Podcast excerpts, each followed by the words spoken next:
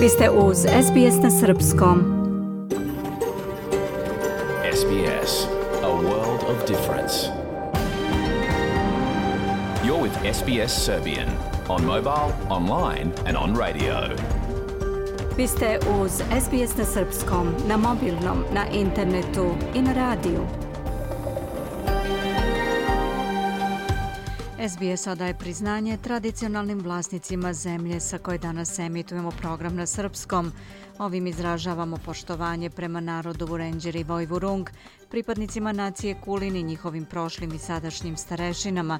Također odajemo priznanje tradicionalnim vlasnicima zemlje iz svih aboriđinskih naroda i naroda sa ostrava iz Toresovog Moreuza, sa čije zemlje slušate program. Dobar dan, danas je Utorak, 17. oktobar 2023.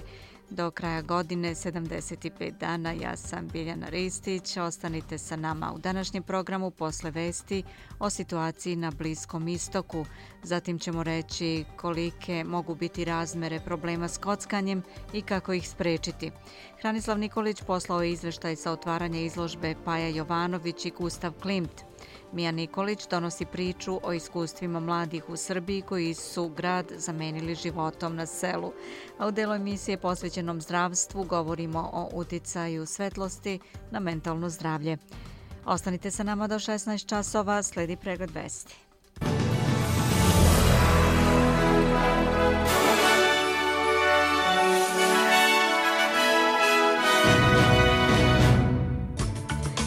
200 australijanaca evakuisano iz Izraela letovima vlade Australije.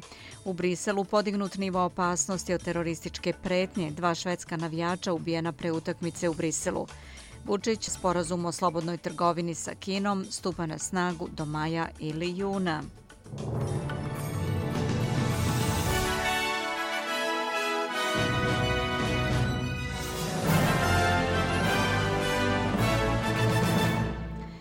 Izraelski ambasador u Australiji Amir Maimon obratio se članovima liberalne stranke nakon što je australijski parlament izrazio dvostranačku podršku naciji i jevrejskoj zajednici u oba doma.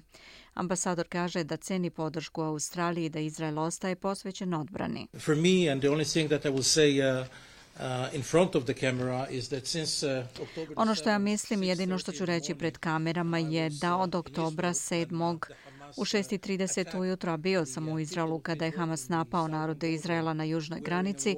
Mi smo u ratu. Ratu koji nismo mi započeli niti kad tražili, ali smo odlučni da pobedimo. Umeđu vremenu, jedan muškarac je optužen zbog navodno antisemitskih komentara na propalestinskom skupu tokom vikenda u Sidneju, na kojem je učestvalo oko 6000 ljudi i za koji je policija rekla da je uglavnom bio miran. Još dva leta organizovana su od strane vlade Australije. Isletela su u Dubaji sa skoro 200 putnika koji se evakuišu iz Izraela. Zamenik premijera Richard Miles rekao je da je među 194 evakuisanih bilo 96 državljana Pacifičkih ostrava jer Australija nudi pomoć građanima iz tog regiona. Miles kaže da u ovoj fazi više nema organizovanih putovanja. Uh, Verujemo da ovi letovi zaista ispunjavaju trenutni zahtev Australijanaca da napuste Izrael. Usto zadržavamo nekoliko vojnih aviona u regionu za nepredviđene slučajeve u narednim danima, rekao je on. Američki šef diplomatije Anthony Blinken je na turneji po Bliskom istoku gdje je razgovarao sa zvaničnicima šest arapskih država i ponovio stav da Amerika podržava Izrael, ali da će raditi na smirivanju situacije. On je juče bio i u Izraelu gdje se u Tel Avivu sastao sa premijerom Benjaminom Natanjahom u cilju prevencije nastavka borbi između izraelskih vojnih snaga i Hamasa. Izraelski ministar odbrane Joav Galant, koji je također prisustvovao sastanku, kaže da je najverovatnije da će se sukob nastaviti. So let me tell you, Mr. Secretary, Dozvolite mi da vam kažem, gospodine sekretare, ovo će biti dug rat. Cena će biti visoka, ali mi ćemo pobediti za Izrael, za jevrejski narod i za vrednosti u koje obe zemlje veruju. And for the values that both countries Ujedinjene nacije navode da je više od milion ljudi raseljeno u Gazi i da bi izraelska kopnena ofanziva mogla da ubrza humanitarnu katastrofu. Zdravstveni zvaničnici u pojasu Gaze kažu da je više od 2800 ljudi, uglavnom civila, ubijeno nakon nedelju dana vazdušnih napada, a posle napada militanata Hamasa u Izraelu. Izraelske odbrambene snage su se pozicionirale duž granice Gaze i izvele su vežbe za, kako Izrael kaže, široku kampanju razbijanja te militantne grupe. The shelters are overcrowded. Um, the shelters, Direktorka za komunikacije Agencije Ujednjih nacija za pomoć na terenu, Juliette Toma, kaže da nikakva pomoć trenutno ne ulazi u gazu, a agencija poziva Izrael da prekine opsadu. Umeđu vremenu, glavna urednica Reutersa, Alessandra Galoni, pozvala izraelske odbrambene snage na temeljnu i transparentnu istragu o pogibi novinara Isama Abdalaha dok je izveštavao nadomak sela Alma El Shab na jugu Libana na granici sa Izraelom. Projektil je prema tvrdnji očevidaca došao sa izraelske strane. Dve osobe su ubijene, a jedna je povređena u pucnjavi koja se juče dogodila u centru Brisela.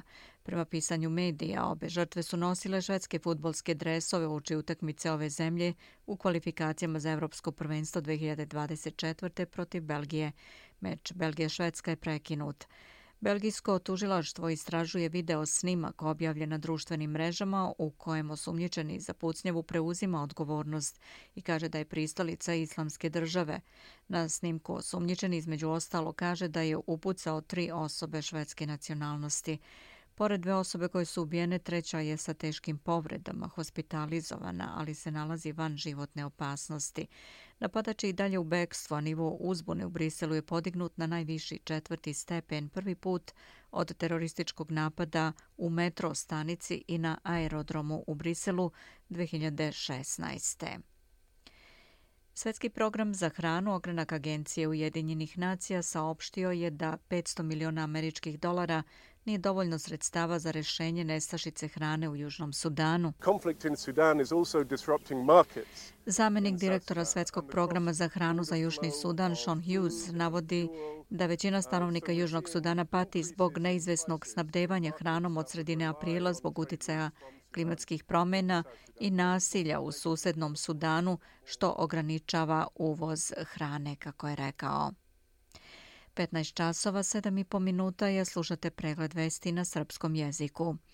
U Tirani je održan deseti samit berlinskog procesa, prvi u nekoj od zemalja Zapadnog Balkana i to je jasna poruka da Evropska unija želi snažnije veze sa regionom, kaže predsjednica Evropske komisije Ursula von der Leyen. Najavljuju i novi paket Unije za region težak 30 milijardi evra, podlačeći da zemlje Zapadnog Balkana moraju da kompletiraju regionalno tržište. To bi, kako su preneli čelnici Evropske unije, moglo da se sprovede pomoću plana za rast Zapadnog Balkana, koji će detaljnije biti predstavljen početkom idućeg meseca. Taj plan, prema rečima predsjednice vlade Srbijane Brnabić, Srbija spremno očekuje, prenosi radio televizije Srbije. Što se tiče predsjednice Evropske komisije Ursule von der Leyen i novog e, plana za ekonomski rast Zapadnog Balkana i dodatnih investicija od čak e, do 2 milijarde evra u sklopu tog plana.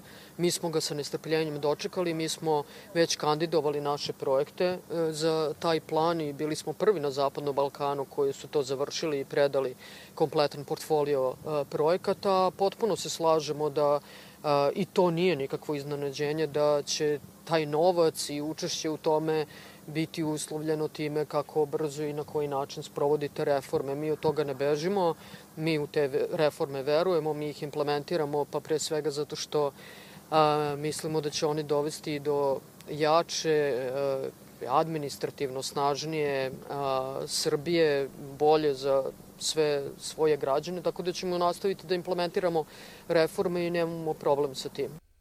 Osim evrointegracije i uspostavljanja zajedničkog tržišta, tema o kojoj se u Tirani govorilo jesu i odnosi Beograda i Prištine. Iako je domaćin, albanski premijer Edi Rama u oči samita rekao da se o tome neće razgovarati kao ni o događajima u selu Banjska. Na to se ipak tokom prvog panela osvrnuo nemački kancelar Olaf Scholz, prenosi radio televizije Srbije. Vreme je da se u regionu prevaziđu konflikti koji predugo traju. Oni su samo unazađivali vaše zemlje. Nedavni događaj i eskalacija u selu Banjska na severu Kosova i Metohije pokazali su koliko je to važno.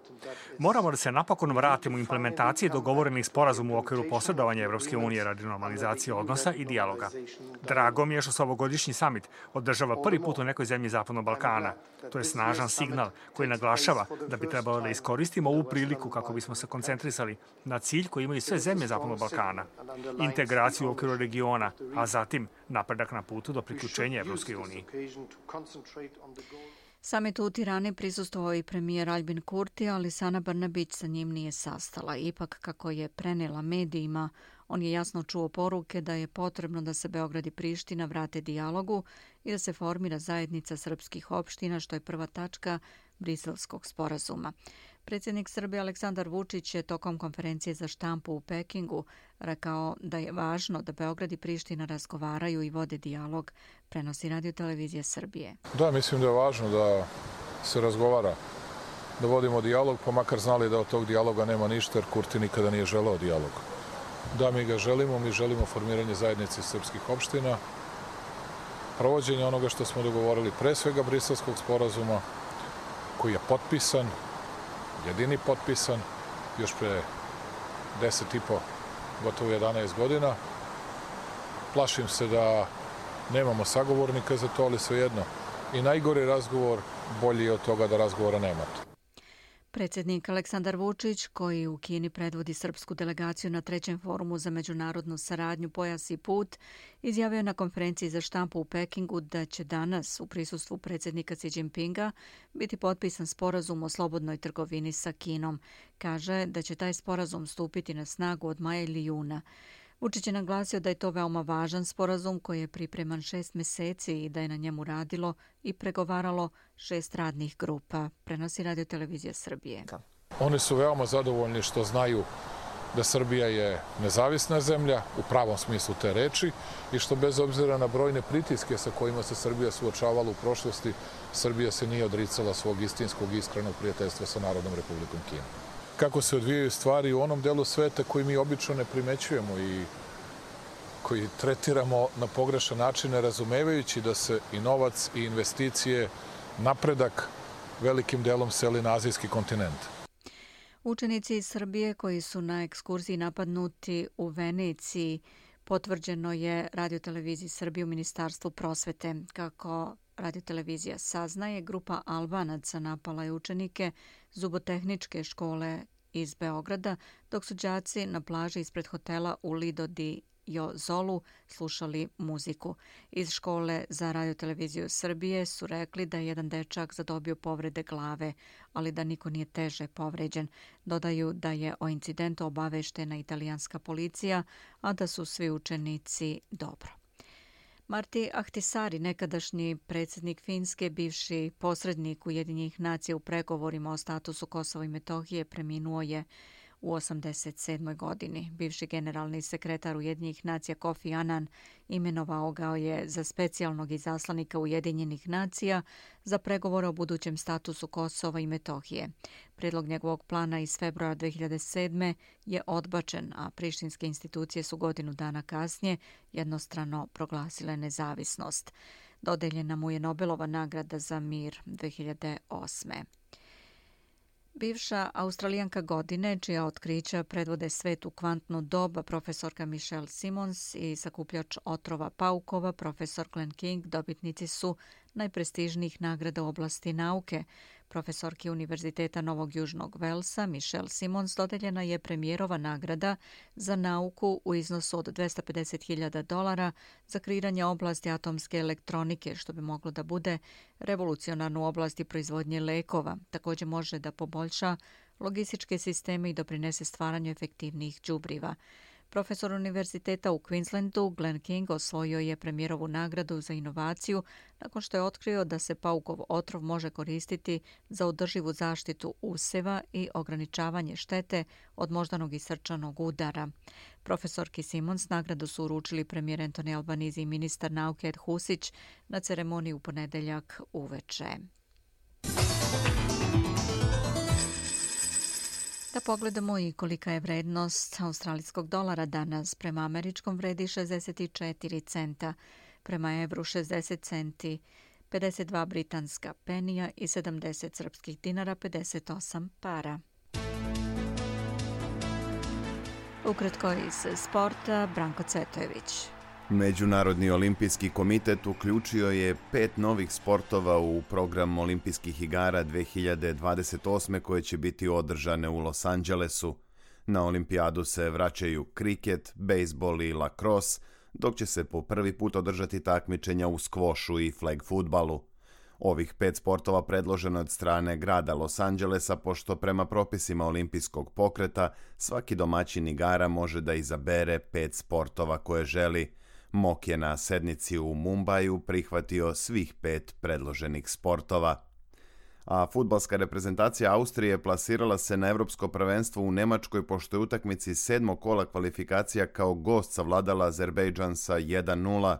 Blizu plasmana je i selekcija Holandije, koja je golom iz penala u sudijskoj nadoknadi pobedila Grčku u Atini također sa 1-0. Najubedljiviju pobedu sinoć je zabeležila selekcija Portugalije koja je sa 5-0 savladala Bosnu i Hercegovinu. Utakmica je odigrana u Zenici, a na klupi BiH debitovao je srpski stručnjak Savo Milošević. Futbaleri Bosne i Hercegovine posle ovog ubedljivog poraza više nemaju šanse da se kroz kvalifikacije plasiraju na prvenstvo Evrope. Poslednja šansa za Zmajeve biće baraž Lige nacija a sutra ujutro po australijskom vremenu reprezentacija Srbije igra u Beogradu protiv Crne Gore.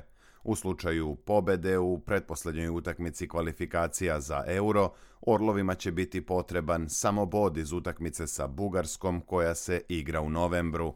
Srbija je trenutno druga u grupi sa 10 bodova, tri manje od vodeće Mađarske i dva više od trećeplasirane Crne Gore. I na kraju da pogledamo i vremensku prognozu. U Pertu je sunčano, ali vetrovito 22, sunčano vreme u Adelaidi 21 i u Melbourneu 17. Sunčano i u Hobartu danas 20 stepeni, u Kamberi 19, također sa sunčanim periodima.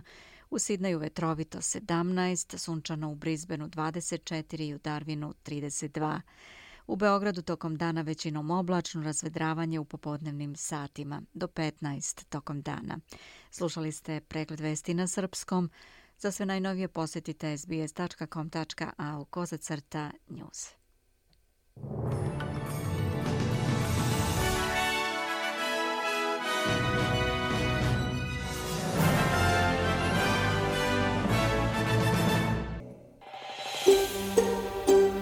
Želite da čujete još priča poput ove?